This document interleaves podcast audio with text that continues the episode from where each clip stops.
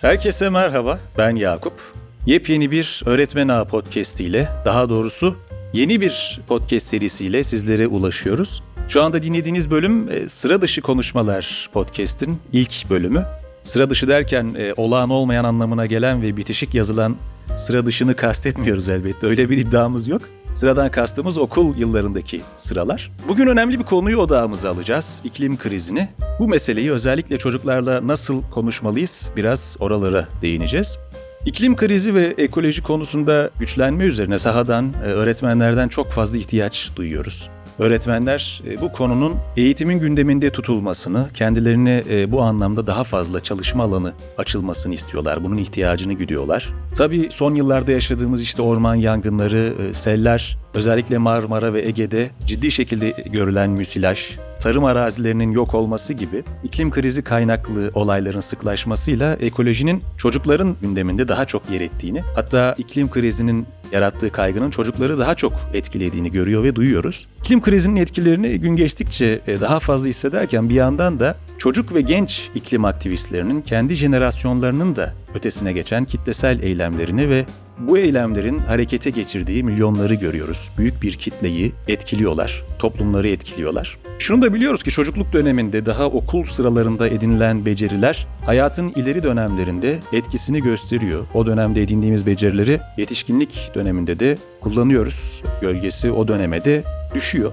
Çocuk ve genç iklim aktivistleri sayesinde okul sıralarında edinilen bilgi ve becerinin kitlesel eylemlere dönüştüğünü, toplumun yarınını beklemeden şimdi bugününü de etkilediğini biliyoruz. Özellikle bu şimdi vurgusunun altını çizmek gerek belki. İklim aktivistleri yarının ve sonraki günlerin daha geç olacağını, sorunun çözümü ve meseleyi gündem edinmek için şimdinin vurgusunu yapıyorlar. Biz de ifade etmiş olalım. Sıra dışı konuşmalarda okul sıralarında yaşadıklarımızla o sıranın dışına çıktığımızdaki hayatın birbiriyle ilişkisini anlamaya çalışacağız. İlk bölümde ERG Eğitim Gözlem Evi Koordinatörü Burcu Meltem Arık konuğumuz. Burcu'yu sadece gözlem evi koordinatörü diye söylersem biraz haksızlık etmiş olurum ve eksik tanımlamış olurum. Burcu deyince benim aklıma kuş gözlemi ve ekoloji üzerine yazdıkları, çizdikleri, söyledikleri geliyor. Tabii bunun yanında yıllardır eğitim politikası alanında da çalışıyor kendisi. Burcu hoş geldin. Güzel, çok sevindim. Zaten en çok e, ilk söylediğim, kendimle ilgili söylediğim bilgi de bu kuş gözlemcisiyim diyorum her zaman. Süper. Nasılsın? Her şey yolunda umarım. Olabildiğince iyiyim. Göç başlıyor. O yüzden masamda dürbünüm. Bekliyorum kuşları. Leylekler değil mi? En başta göreceklerimiz. Leylek evet. ilk başta leylekler sonra küçük ötücü kuşlar, yırtıcı kuşlar diye devam ediyor. Süper o zaman biz de gözümüzü gökyüzünden ayırmayalım. Denk geliriz belki leyleklere, turnalara ya da bilimum kuşa. Burcu bu podcast'in iki bölümü var aslında. İlk bölümde biraz sıradan e, sorular. Diğerinde de sıra dışı sorular şeklinde ilerleyeceğiz. Sıradan sorularda daha çok okul yıllarına, ilk gençlik ve çocukluk dönemlerimize, oradaki anılarımıza gitmeye çalışacağız. O yüzden ilk sorularım oraya dönük olacak. Yanlış hatırlamıyorsam sen Hatay'da doğmuştun. Hatay çok güzel bir coğrafya. Yani ben de Çukurovalıyım. E, Adana, Tarsus yakındır Hatay bize. Hatta çocuklukta da çok gitmişimdir. Teyzemler oradaydı. Doğasını çok severim. Denizi çok güzeldir. Özellikle İskenderun tarafları. Amanos dağları falan bana çok çekici gelir. Okul sıralarında işte iklime ya da ekolojiye dair neler öğrendiğini hatırlıyor musun? Tabii Hatay gibi bir bölgede doğan birine bunları söylemek biraz, daha doğrusu bunu sormak biraz kötü durabilir ama yine de sormuş olayım. Neler hatırlıyorsun o döneme dair? Annem babam öğretmen benim. Dolayısıyla benim sıradan sorularım aslında onların sıralarıyla başladı diyebilirim. Annem köy okulu öğretmeniydi hatırlıyorum onunla beraber gittiğimi. Ve özellikle bahar döneminde e, hani çocuklarla piknik de yapardı onlara bitkileri ya da işte mevsime göre etraftaki canlıları tanıtmaya çalışırdı. Babam da fen bilgisi öğretmeni bu arada. Benim ilk anılarım öyle. Babamın kırmızı bisikletiyle Antakya'nın sokaklarında onun okuluna giderken onun okulun bahçesinde derslerinde orada burada öğrendiklerim. Ben kendi eğitimime dair lise öncesinde daha çok şu bilgileri hatırlıyorum maalesef. E, ne nerede ne yetişir, ne çıkarılır nerede insana yararı bakımından öğrendiklerimi hatırlıyorum. Ama liseye gelince bu değişti. Yani lisede biyoloji ve kimya dersleri almamla beraber çok çıldırmıştım. Öğrendiğim şeyleri, bilgiler çok etkilemişti beni. Bir de coğrafya. Ve yetmedi bana. Ama benim hani okul dışında da dediğin gibi Antakyalı olmamdan kaynaklı Amanosların, Habib Necar'ın yamacında, Asi Nehri'nin kollarında büyüdüm diye tarif ediyorum. Yani eğer öğrenme alanını sırayla okulla sınırlamazsak ben ne öğrendiysem doğayla ilgili sokakta mahallemde oyun oynarken öğrendim. Ya da dedem den öğrendim. Kerpiç ev, onun kerpiç ev yaptığı zaman bütün torunlarını etrafına toplanıp samanla toprak kardırırdı bize. Onları biz kuruturduk güneşte ya da bahçede tarım yapardı. Eve yetecek kadar yetiştirilirdi orada. Mutfak atığı yoktu. Yani ben bütün onları anneannemlerin, dedemin köyünde, annemin köy okulunda, yaşadığım mahallede öğrendim aslen. Yıllar sonra da ODTÜ'ye katılınca ODTÜ'de kuş gözlem topluluğuna katılınca aslında bayağı ben karış karış Türkiye'yi gezdim ve okullarda eğitimler verdim. O sırada tabii hem bana okulda öğretilmeyen doğayla tanıştım hem de insanın doğayla kurduğu ilişkileri, farklı kültürleri tanıma şansına sahip oldum. Böyle bir hikayem var yani okul okula dair ve ekolojiye dair.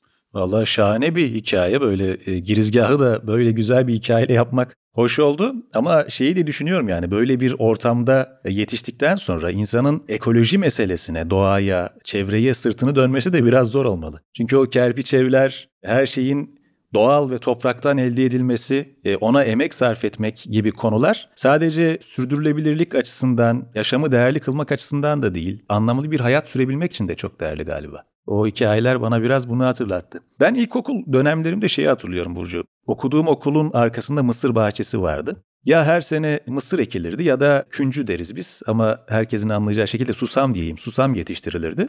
Çocukluğumda tohumun kalitesi, atalık, öz tohum laflarını çok duyardık. Fakat e, ilerleyen dönemlerde zamanla çiftçilerde de tohumun tonaj olarak iyi mahsul verip vermemesi daha öncelikli bir mesele haline geldi ve hem ekolojik hem sürdürülebilir olmayan yöntemler tercih edilmeye başlandı. Bu benim mesela o günlere dair hatırladığım en temel şeylerden biri. Senin o günlere dair unutamadığın bir anın var mı? Ben böyle çok olumsuz bir şeyi e, hatırladım şimdi onu söyledim ama eğer iyi bir şey varsa onu söylemen daha tatlı olur tabii.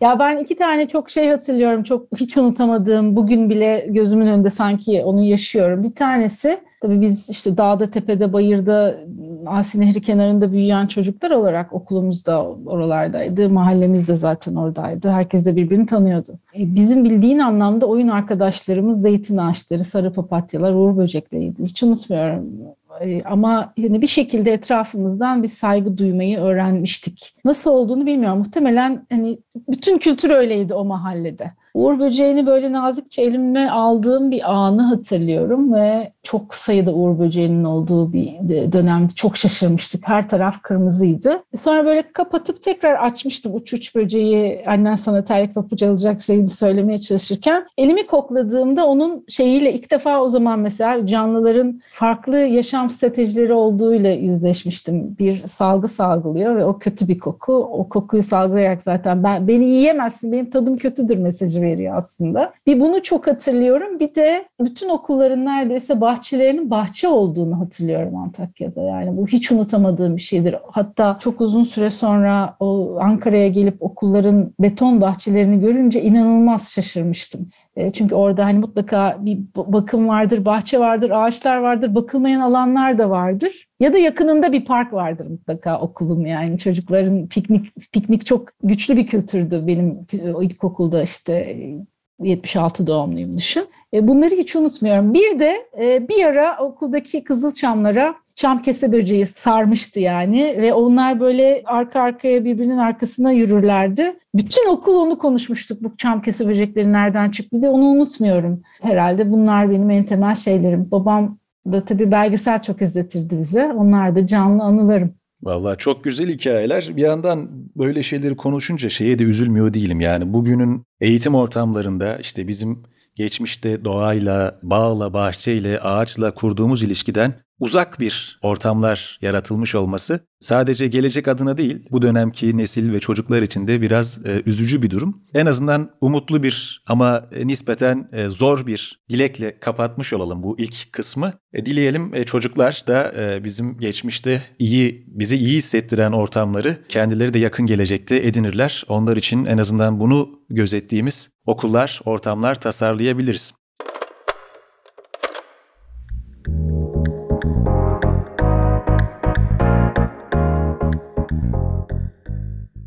Şimdi sıra dışı sorulara geçelim Burcu. Burada biraz daha ciddi ve can alıcı konular bizi bekliyor. Özellikle senin uzmanlığına başvuracağımız sorular var. Doğrusu ben de merak ediyorum nasıl değerlendiriyorsun? Şimdi iklim krizi e, uzun vakitlerdir e, gündemde olan bir mesele. İşte 1800'lü yıllardan bu yana bilimsel olarak üzerine konuşuluyor, tartışılıyor. Gerçekçi ve güçlü adımlar atamadığımız için de 1950'lerden bu yana, 1900'lü yılların ikinci yarısından bu yana da artık en önemli gündemlerden biri haline geldi. Bunun sebebi de sanırım çok yakıcı bir durumun doğması. Bu kadar erteledik erteledik artık bundan kaçış yok algısı galiba oluşmaya başladı insanlarda. E, bu süreçte de birçok farklı kavram hayatımıza girdi. Yani iklim krizi mevzusu ya da ekoloji e, yeterince tanımlaması zor ve nispeten geniş bir kavramken bunlara başka başka şeyler eklendi. İşte küresel ısınma, iklim değişikliği gibi. Başlarken onu sorayım. Yani bunlar arasındaki fark nedir? İklim krizini örneğin nasıl tanımlamamız gerekir? Çok güzel soru sordun. Bir de birbiriyle dönüşümlü de kullanılan kavramlar olduğu çoğu. Şöyle söyleyebilirim aslında. Yani insanların eylemleri sonucunda, bazı insanların eylemleri sonucunda atmosfere bir takım gazlar salınıyor. Ve bu gazlar da sera gazı etkisi dediğimiz belki ilkokuldan hatırlarız e, gibi bir etki yaratıyor. Yani bir tür battaniye. Dolayısıyla güneşten gelen ısı yüzeye ya da bulutlara çarpıp geri yansıdığı oranda gitmiyor. Daha az oranda tekrar uzaya yansıyor. Bu da dünyanın aslında yüzeyinde ortalama sıcaklıkların e, artmasına neden oluyor. Buna küresel ısınma diyoruz. Küresel ısınmanın etkileri var. Ve bu etkilerden hani bir tanesi iklim değişimi. İklimin değişmesine neden oluyor bu. Bu değişiklik de dünyanın her yerinde aynı olmuyor aslında. Kimi yerde küresel ısınma, ısınma oluyor, kimi yerde daha soğuma oluyor ama e, özetle aslında iklim değişikliğini şöyle tarif edebiliriz. İklimin ortalama durumunda veya değişkenliğinde uzun süreli olan değişikliklere diyoruz. Yani örnek veriyorum kaç on yıldır yazları şu bölgede şöyle bir yağış görülür. Şöyle bir miktarda olur genelde. Tabii onun bir değişkenliği olur ama genelde ortalamada beklenen budur. Şimdi bunun sıklığı,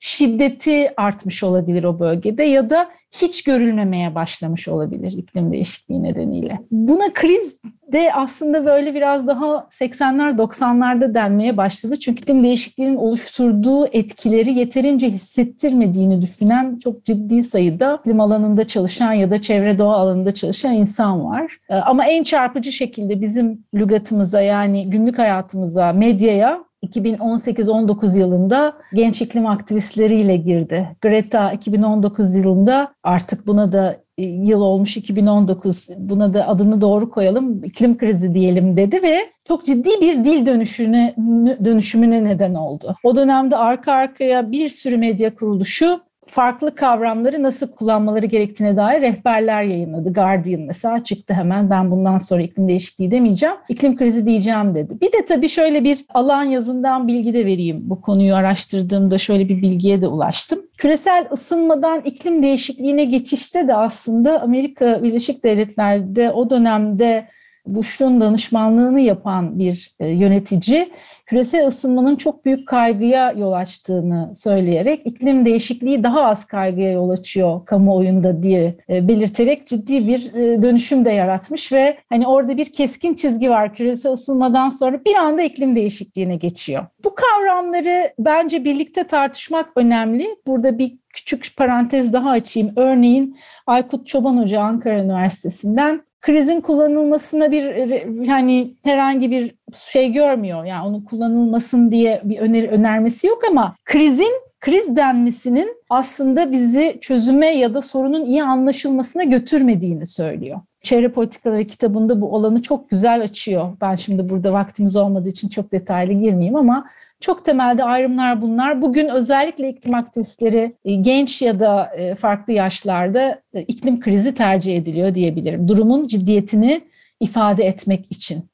Son söylediğinden devam edelim istiyorum Burcu. İklim krizi tartışmalarının güçlü bir yansımasını çocuklarda görüyoruz. İşte sen sözün ettin Greta'dan, küresel boyutta Greta'yı, işte Türkiye'de ise Atlas Sarrafoğlu'nu, hatta Sumru'yu sayabiliriz ee, bu konuya dikkat çeken çocuk aktivistlerden. Çocuklar arasında bu hareketin yayılmasını nasıl görüyorsun? E, hareket yetişkinlere oranla çocuklarda daha mı güçlü yaygınlaşıyor? Ya da bunun sebebini nasıl açıklamak gerekir? Sebebi ne olabilir? Bunun sebebi farklı bölgelerde farklıdır ama ben tabii Türkiye'den bir de biraz daha hani izlediğim alanlarda karşılaştırmalı örnek verebilirim. Yetişkinlerde daha güçlü ya da çocuklarda daha güçlü yayılıyor demek bence zor olur. Çünkü karşılaştırma yapılamayacak bir noktada. Yetişkinler çok uzun süredir iklim aktivistliği yapıyorlar. 60'lar 70'lerin çevre hareketinin düşün daha o dönemlerde güçlü bir köklü milyonların harekete geçtiği eylemler oldu. Sonrasında da öyle yine keza. O oradaki fark tabii ki çocuklar o sürecin görece dışındaydı. Çeşitli nedenlerle işte kimisi yetişkinlerin onları koruması, kimisi yetişkinlerin onları eşit haklara sahip bireyler olarak görmemesi gibi çeşitli nedenlerle o e, geçmişin köklü iklim ve çevre hareketlerinin içerisinde e, yeterince söz alanı bulamadı çocuklar bence ama şimdi özellikle 2018'den sonra çok güçlü bir şekilde yayılıyor ve yine küresel ölçekte bir eylemliliğe geçti. Eylemlilikleri biraz daha farklı, kapsayıcılıkları biraz daha farklı bence. E, ama tabii bu hareketleri izleyen insanlarla bunları biraz daha tartışmak lazım. Yani bugün senin örnek verdiğin Greta ya da Atlas gibi e, çocuklar çok küçük yaşta başlıyorlar eylemliklerine. 4 yaşında bugün e, Amerika Birleşik Devletleri'nde 4 yaşında iklim değişikliğinin arıları öldürdüğü için arıları kurtarmak isteyen bir kız çocuğunun başlattığı milyonlarca insanın takip ettiği bir hareket var şu anda mesela. Afrika'da keza öyle inanılmaz tarım alanında, ormansızlaşma alanında 4-5 yaşlarında çalışmaya başlayıp bugün işte artık yetişkin olmuşlar. Bunu devam ettiren gençler var. Bu çok önemli. Bu hareketlerin buluşabiliyor olması da çok önemli. Şimdi geçmiş deneyimleri de çok iyi değerlendiriyor ama o deneyimlerden öğrenilen dersleri de çok iyi gördüğünü düşünüyorum bugün gençlerin. Bilgiye erişimleri de çok değişti. Bilgiye erişim için yetişkinlere bağımlılıkları azaldı. Dolayısıyla birbirlerine çok iyi organize olup öğrenip hani onlara verilmeyen okul sıralarında verilmeyen bilgileri çok hızlı birbirlerinden öğrenip yayma potansiyelleri çok daha güçlü, çok kıymetli buluyorum. Hem taleplerini hem de yaptıkları çalışmaları. Ekoloji kavramı söz konusu olunca böyle sanki dünyamıza yakın zamanda giren bir kavram da var. Ekofobi. Ben duyuyorum böyle çeşitli konuşmalarda ya da raporlarda vesaire. Kavramı doğaya yabancılaşmak doğrultusunda kazanılan e, bir doğadan korkma hali olarak belki tanımlayabiliriz. Sıkça çocuklar üzerinden konuşuluyor tabii. Fakat yetişkinlerde de güçlü etkilerini görmek mümkün sanırım. Sen bir doğa gözlemcisi olarak, ekoloji üzerine yazan çizen biri olarak e, bu korkunun zemininde neler yattığını düşünüyorsun ve bu korkuyu e, nasıl aşmak gerekir? Hem yetişkinlerde hem çocuklarda. İki tane farklı yaklaşım var burada. Şimdi bu detaylarına giremeyeceğiz ama kulağa çalınsın diye söylemek isterim. Bir tanesi Türkiye'de bu kavramın biraz daha yaygın bir şekilde farkına varılmasını sağlayan David Sobel'in ekofobiye yaklaşım. Senin de söylediğin gibi doğayla karşılaşmamanın getirdiği doğadan uzaklaşma, onun da bir tür kaygı ve fobiye yol açması ya da işte eğitim sıralarında gelişimsel özelliklerine dikkat edilmeden verilen çevre, doğa, iklim eğitimlerinin aslında kaygıyı tetiklemesi, çaresiz hissettirmesi gibi bir alanı var. Simon Estok ise başka bir yerden de yaklaşıyor, ikili de yaklaşıyor. Bir en genel anlamıyla ekofobiyi insanın doğanın öngörülemezliğinden kaynaklanan güvensizlik duygusunun bir belirtisi olarak ifade ediyor. Bunun genetik e, kökenlerinden de bahsediyor ve bir noktaya kadar o korkunun aslında insan topluluklarının gelişimini de sağladığı örnekler veriyor. Bir yanıyla da tabii bugün özellikle moderniteden sonra doğal çevreye ve o, o doğadaki diğer yani insan olmayan diğer öğelere olağan dışı bir şekilde, irrasyonel bir şekilde korku, nefret, tiksinti içeren tutum ve davranışların da bileşimi olarak ifade ediyor ve bu çok kültüre işli. Bunun altını çiziyor. Medyada, eğitim sisteminde kurduğumuz herhangi bir e, gıda sisteminde, ulaşım sisteminde hatta ki düşün e, bugün pet, pet shoplardan bahsediyoruz. Hayvan alım satımı üzerinden bir kültür e, de ağırlıklı var. Bütün bunların içerisinde başka bir fobi hali de söylüyor. Bir kere bunun farkında olmak ve o korkuyu bireyden bireye ya da topluluktan topluluğa farklı ihtiyaçlarla değişip dönüşebileceğinin altını çiziyor. Bu bence çok kıymetli. Çok genel anlamıyla konuşacak olursak yetişkinler için bu ikisini de düşünecek olursak yani hem David Sobel'in hem Estop'un modern kentler bir de Türkiye'de de düşün aslında çok kırsal alandan çok kent alanına geldi. Kaç yılıydı hatırlamıyorum ama e, nüfusun e, çok büyük bir oranı kentlere geçti. Kırsalda yaşayan insan sayısı çok ciddi azaldı.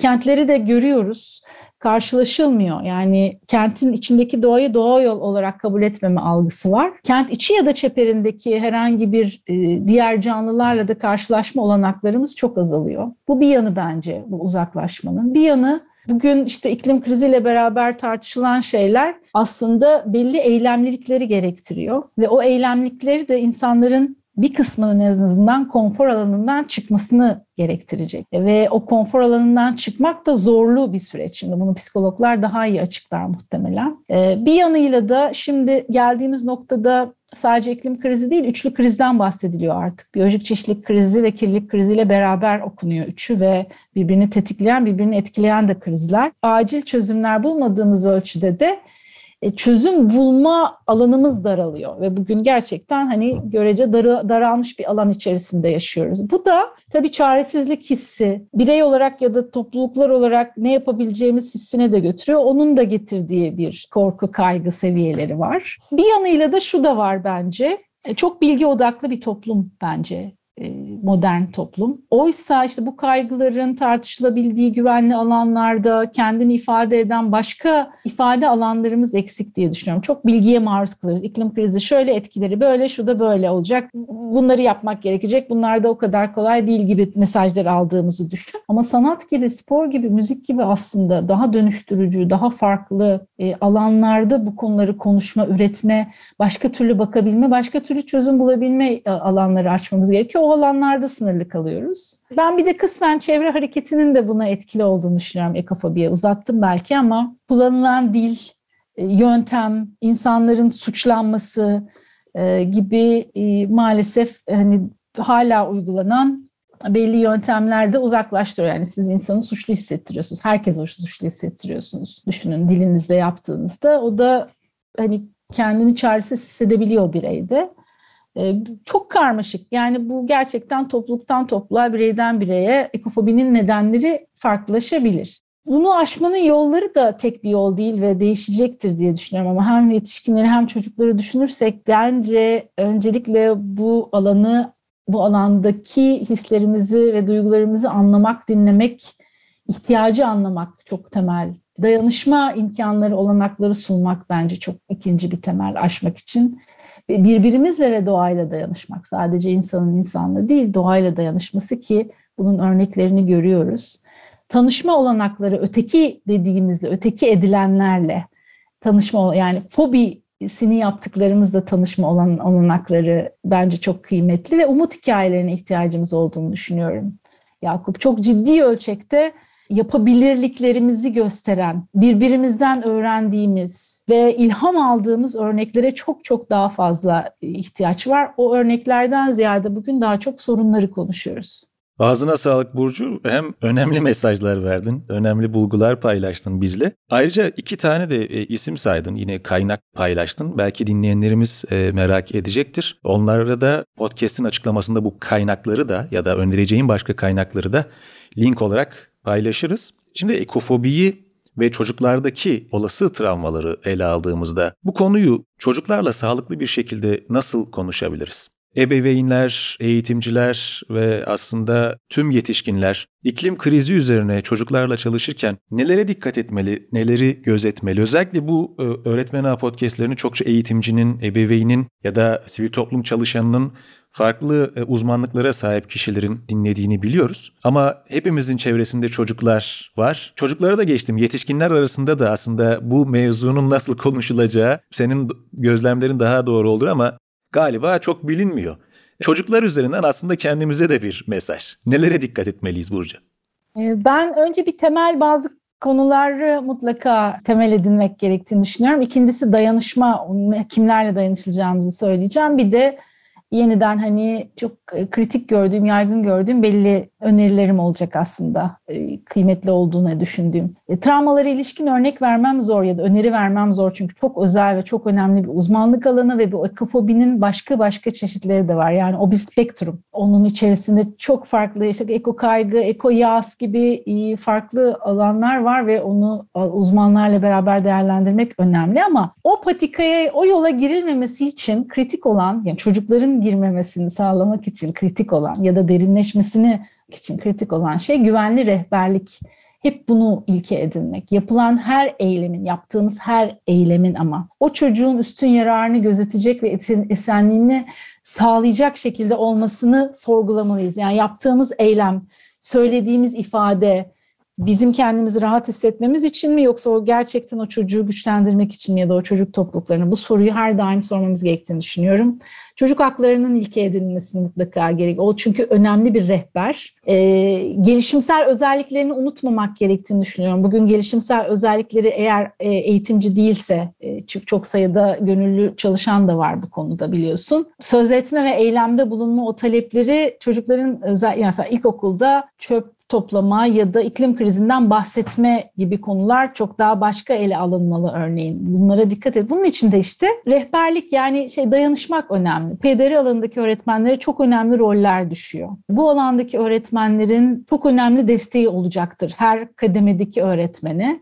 Yani sadece bildiğimiz bu yönetmelikle e, aslında kendi alanları belirleniyor PDR alanının ama bir de şimdi buna bu, bu krizler meselesi geldi. Hem toplumda hem de sınıf içerisinde, okul içerisinde bu alanı, bu alanda çocukları ve eğitimcileri desteklemek gibi bir çalışma var. Bu konuda e, ağlar oluşmaya başladı uluslararası alanda. Bu ağlarla beraber olmayı önemsiyorum çünkü yeni de bir alan birçoğumuz için. Birçok eğitimci için de yeni bir alan, PDR e, alanındaki insanlar için de yeni bir alan, eğitimciler için de yeni bir alan. Dolayısıyla farklı yerlerde edinilen deneyimlerden ilham almak kıymetli olacaktır. Çok temel önerilerim de şunlar olacak. Kullanılan dil çok önemli, çok mit var. Örneğin bugün hala çok sayıda duyuyorum doğa öç alır gibi ifadeler kullanılıyor yetişkinlerin. E, yani doğaya böyle insan özellikleri atfediliyor. Bir bunları bunlardan arındırmak, bunların farkına varmak çok kıymetli.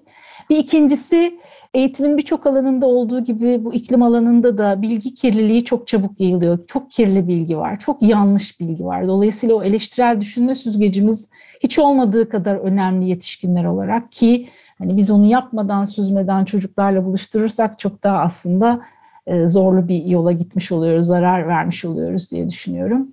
Bir üçüncüsü demin de söylemeye çalıştım topluluk olma ve dayanışmanın güçlendirilmesi, sivil toplumla eğitim alanında çalışanların, gençlerle eğitimcilerin e, farklı ölçeklerde dayanışması ve yine yani en kritiği bence umut veren hikayeler, iyi örneklere ihtiyacımız var. Çözüm olan örneklere ihtiyacımız var. Bir örnek her yerde olmayabilir ama hani bir yerde o yere özgü çözümler, iyi hikayeler, umut hikayeleri o kadar çok duymaya ihtiyacımız var ki bunu özellikle çocukların. Şimdi bugün gençleri görüyorum, genç aktivistler geçen birisiyle konuşuyordum ve ne yapabiliriz diye düşündüm doğrusu. Hiç durabiliyor musun dedim. Çünkü bütün gün etkinliklerde görüyorum onu. Hiç durabiliyor musun? Durma fırsatı, kendini dinlendirme fırsatı bulabiliyor musun demiştim ve diye sorduğumda bana söylediği yanıt durduğumda suçlu hissediyorum dedi. Şimdi biz bu bunda yetişkinlerin de rolü büyük bu, bu duyguyu vermeden yapabilecekleri alanı açıp hem bilgi hem beceri açısından destekleyecek güvenli bir rehberlik ortamı sunmamız çok elzem. Ee, bunu da paylaşmış olayım çünkü bu bunu çok görüyorum özellikle Türkiye'deki gençlerde. Burcu ağzına sağlık. Ee, yayının yavaş yavaş sonuna geliyoruz ve Bundan dolayı gerçekten çok üzgünüm. Çok güzel akan bölüm oldu. Çok güzel e, şeylere temas ettin. Çeşitli çıkarımlar, önemli bulgular paylaştın bizimle. Eminim bu bölüm kadar bir üç bölüm daha çekeriz. Kayda alırız yani bu konularda. E, anlatacağın çok şey var. Belki günün birinde iklim krizi konuşmaları iki şeklinde e, tekrar bir podcast kayda alırız. E, ben sohbet etmekten, e, dinlemekten çok keyif aldım. Eminim iklim ve çevre konularına meraklı herkesin de ilgisini çeker bu bölüm. Son sözü sana vereyim kapanış için. E, bizi dinleyenlere vermek istediğin bir mesaj ya da kaynak varsa son söz sende. Ben aslında duymak isterdim tabii bu alanda çalışan öğretmenleri, çok kıymetli çalışmalar yapanlar var. Nasıl bir araya gelebiliriz sorusunu hep soruyorum. Bunu çok önemsiyorum. Belki bunu söylemek isterim. Hani bir araya gelip daha güçlü ve daha örgütlü talep etmemiz gerektiğini düşünüyorum. Mesela şu anda iklim şurası var ve eğitimciler yok. Eğitimciler yok. İklim şurasında olabilecek şey mi? Kabul edilemez bir şey olmalı. Ee, ama tabii e, hani orada olmamız ya da olmamamızdan ziyade bu alanda daha güçlü ve birlikte nasıl çalışabiliriz sorusunu birlikte tartışmaya devam edelim. Benim söyleyeceğim bu olur. Kaynaklar da var birkaç tane kritik kaynak, önemli kaynak. Ben onları dediğim gibi sana iletirim. Bu podcast'in yayınlaması sırasında e, paylaşılır.